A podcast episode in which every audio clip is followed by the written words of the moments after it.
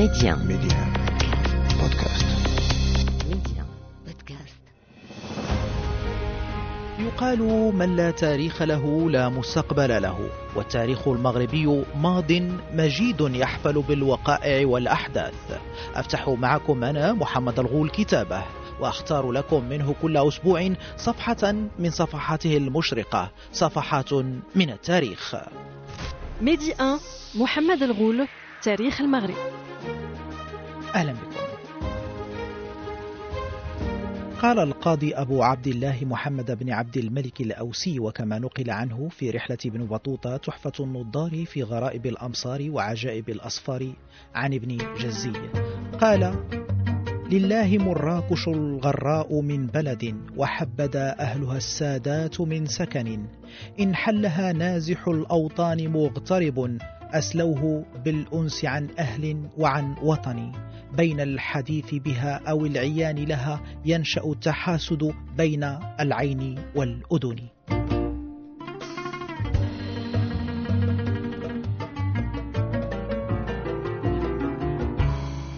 لعلكم متابعينا الكرام علمتم موضوعنا لهذا العدد الجديد من تاريخ المغرب.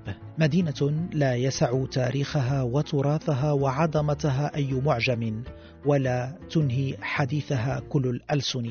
مدينة ارتبط تاريخها بعظمة تاريخ هذا الوطن حتى أن الوطن نفسه امتزج اسمه باسم المدينة وعرف حتى زمن قريب بمراكش ارتباطا باسم عاصمته التاريخية المدينة الحمراء مراكش التي أنشأها بناتها المرابطون من العدم فتطاول بها العمران وتمدد وتوسع إشعاعها ليصل كل العالمين وهي العاصمة التي كانت مركز حكم الإمبراطوريات المغربية الشاسعة لفترات مديدة في الزمن المرابطي والموحدي كما السعدي عاصمة لم تفقد أبدا إشعاعها حتى عندما كانت العاصمة السياسية تنتقل إلى واحدة من العواصم الإمبراطورية المغربية الأخرى فاس أو مكناس ثم الرباط.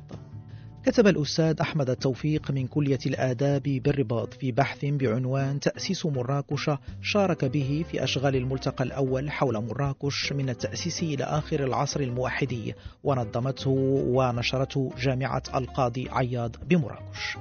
كتب نجد أن جميع كتب تدريس التاريخ في البلدان المغاربية تستند إلى ابن خلدون وابن أبي زرعة وهذه المصادر تحدد تاريخ تأسيس مراكش في العام 454 للهجرة 1062 للميلاد وتنسبه إلى يوسف بن تشفين وهو ما يتوجب مراجعته حيث أن القواعد الأولى لحاضرة الجنوب المغربي الكبرى وضعت بعد مرور ثمان سنوات على هذا التاريخ المجمع عليه.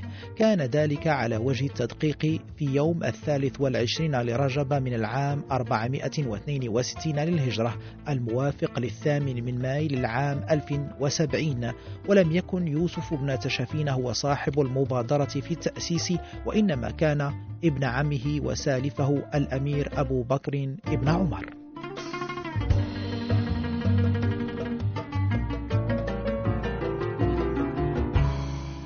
لدينا في واقع الأمر عن هذه المسألة شهادة لا تناقش قيمتها شهادة الجغرافي الأندلسي الكبير أبي عبيد البكري وهو من هو في وثوق الأخبار وجودتها. وإن قد تسرع في مناقشته دوسلان ناشر كتابه ومترجمه عند المقطع الذي نورده أسفله.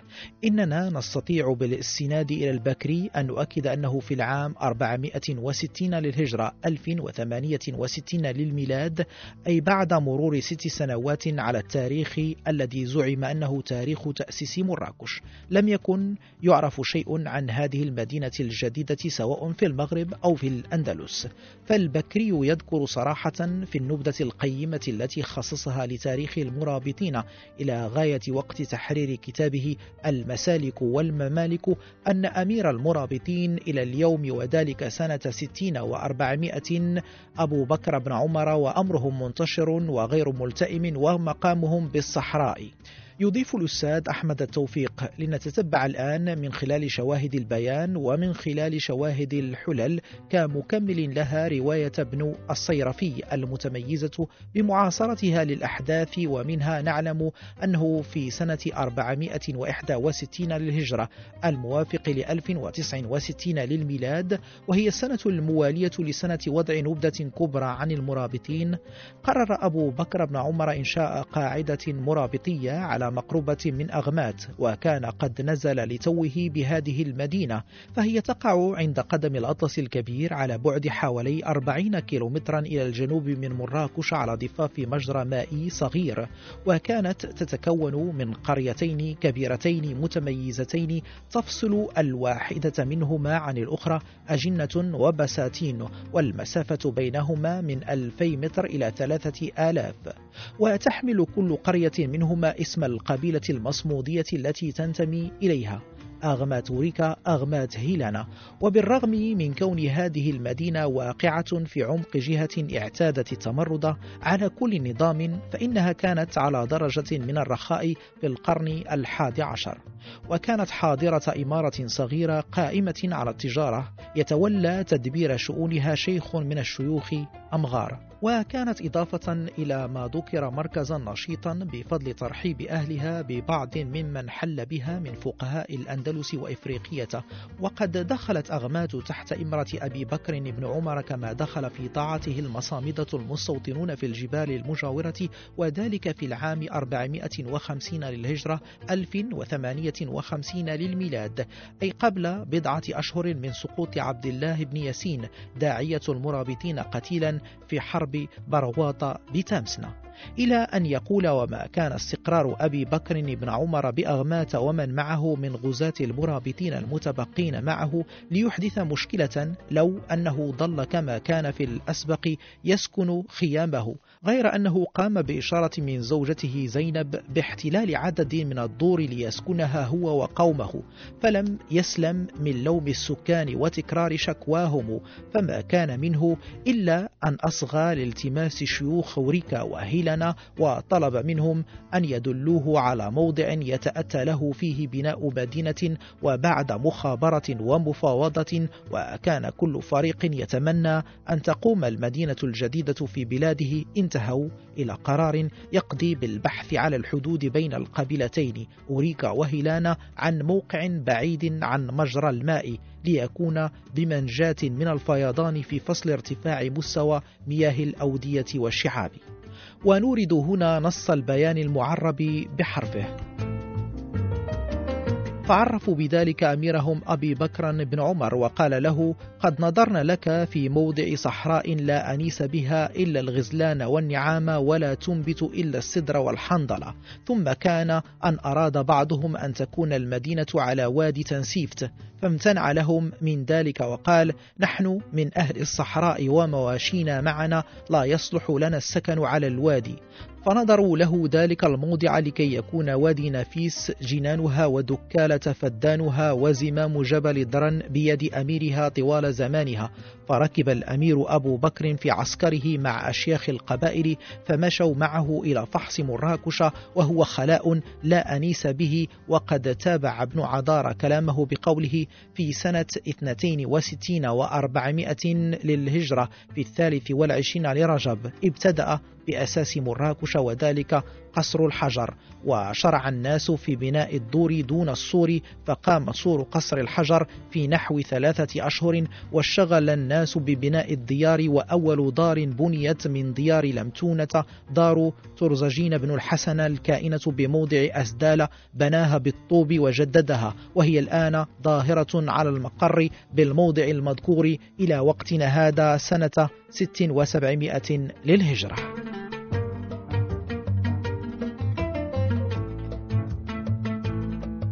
هذا إذا في موضوع البناء والتأسيس وتاريخ بدئه. أما بخصوص أصل تسمية المدينة مراكش يقول الأستاذ أحمد التوفيق من كلية الآداب بالرباط في بحث بعنوان حول أصل معنى اسم مراكش شارك به كذلك في أشغال الملتقى الأول حول مراكش من التأسيس إلى آخر العصر الموحدي ونظمته ونشرته جامعة القاضي عياض بمراكش. كتب حول أصل مدينة مراكش وتسميتها أن الروايات المتعلقة بتأسيس مراكش بأزيد من قرن ونصف نجدها تخطئ حتى في المؤسس. فتذكر ابن تاشفين بدل أبي بكر بن عمر فلا يتعين مع هذا أن نتطلب عندها دقة في رسم اسم المدينة وتأويلا لاسم معناه. إذ الغالب في مثل هذه القضايا عند المغاربة هو الرجوع لكتب المشارقة وتجاهل كل صلة لها بواقع محلي. إشارة الأستاذ أحمد التوفيق هذه تأتي في معرض نفيه أن يكون الشرح الذي قدمته مجموعة من الكتابات حول اسم مراكش أن تكون صحيحة ويشير هنا إلى القول بأن أصل اسم مدينة مراكش هو مر مسرعا في لسان المصامدة لأن المنطقة كانت خلاء مقفرا يعج باللصوص. وهكذا عندما كان يمر المسافرون بالمكان كانوا يحدثون بعضهم البعض بضرورة المرور بسرعة. وهو تأويل يعتبره الأستاذ أحمد التوفيق غير صحيح رغم أنه مذكور في عدد من الكتابات التاريخية ومن بين من نقله نجد الناصري في الاستقصاء وكذا أبي زرع وابن عدارة الأستاذ أحمد التوفيق يقول بأن أقرب مصدر إلى تاريخ تأسيس مدينة مراكش يذكر اسمها هو كتاب التبيان عن الحادثة الكائنة بدولة زيري في غرناطة لصاحبه الأمير عبد الله بن بلقين بن بادس الصنهاجي الذي عزله المرابطون عن عرش غرناطة العام 483 للهجرة في من عزلوا من ملوك الطوائف وقد سبق لليفي بروفنسال الذي حقق النص الأصلي من المذكرات الأميرية القيمة أن نبه إلى أن اسم مراكش فيه هو مروكش وهذه الصيغة المذكورة في النص مرتين هي التي أخذت منها الصيغة الإسبانية القديمة مارويكوس ونبه على هذا الرسم أيضا توفيق الطيب في هوامش تحقيقه للترجمة الإنجليزية لهذه المذكرات.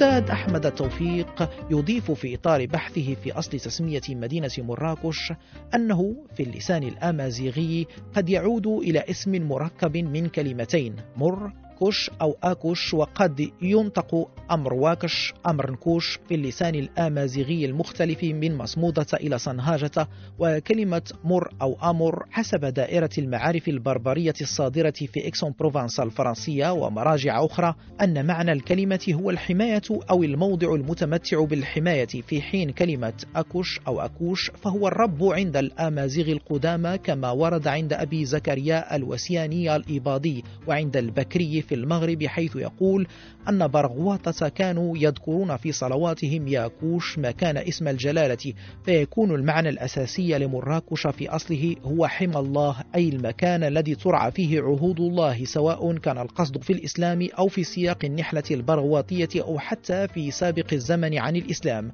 وهي الفرضية التي يدافع عنها الأستاذ أحمد التوفيق في تفسير اسم وأصل تسمية مدينة مراكش.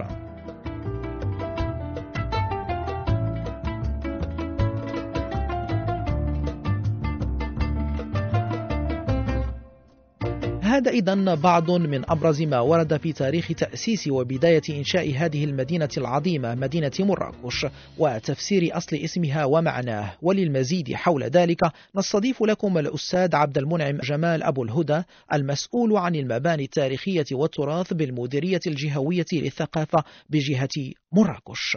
إذا أستاذ عبد المنعم مرحبا بك على أمواج إذاعة ميديا وفي برنامج تاريخ المغرب. أهلا وسهلا سي محمد وتحيه للمستمعين الكرام مستمعي راديو ميديا. تحية لك كذلك أستاذ عبد المنعم. حديثنا اليوم سيكون في تاريخ مدينة هي غنية عن التعريف. هي جزء أصيل من التاريخ العام لهذا الوطن تاريخ المغرب. بل إن اسمها ارتبط بالمنطقة الجغرافية آه، لهذا الوطن المغرب. ففي كثير من الأدبيات آه، خاصة المشرقية المغرب كان يعرف باسم مراكش. إذا حديثنا سيكون عن تاريخ هذه المدينة العريقة مدينة مراكش. مبتدأنا سيكون من المبتدأ التأسيس آه، كيف جاء تأسيس هذه المدينة مدينة مراكش؟ وهل فعلا الأحاديث والروايات التاريخية التي تربط تأسيس مدينة مراكش بالدولة المرابطية صحيح أم أنه كان هناك إرهاص مدينة قرية ما قبل آه، أن تتأسس المدينة على يد المرابطين أستاذ عبد المنعم؟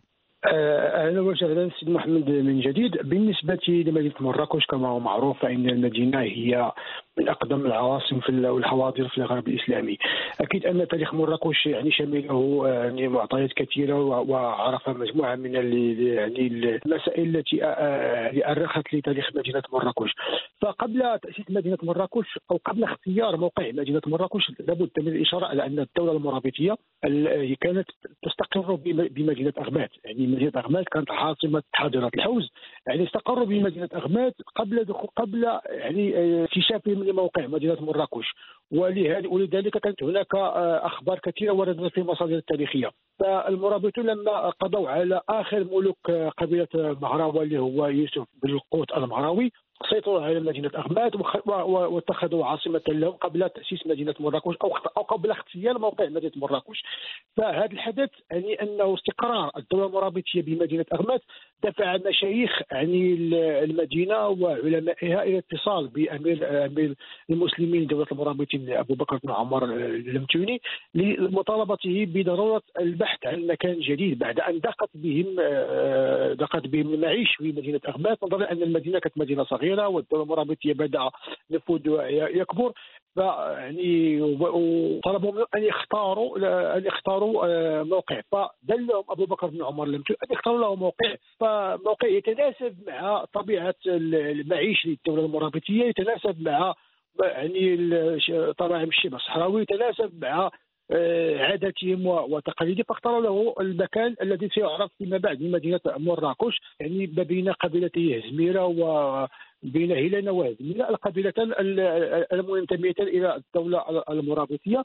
فبرد ذلك هو نص تاريخي ورد في أحد المصادر التاريخية حيث قال قال له المشايخ بأن لأمير المسلمين آنذاك أبو بكر بن عمر المتوني لقد نظرنا لك موضع صحراء لا انس به إلا الغزلان والنعام لا ينبت إلا السدر والحنطر.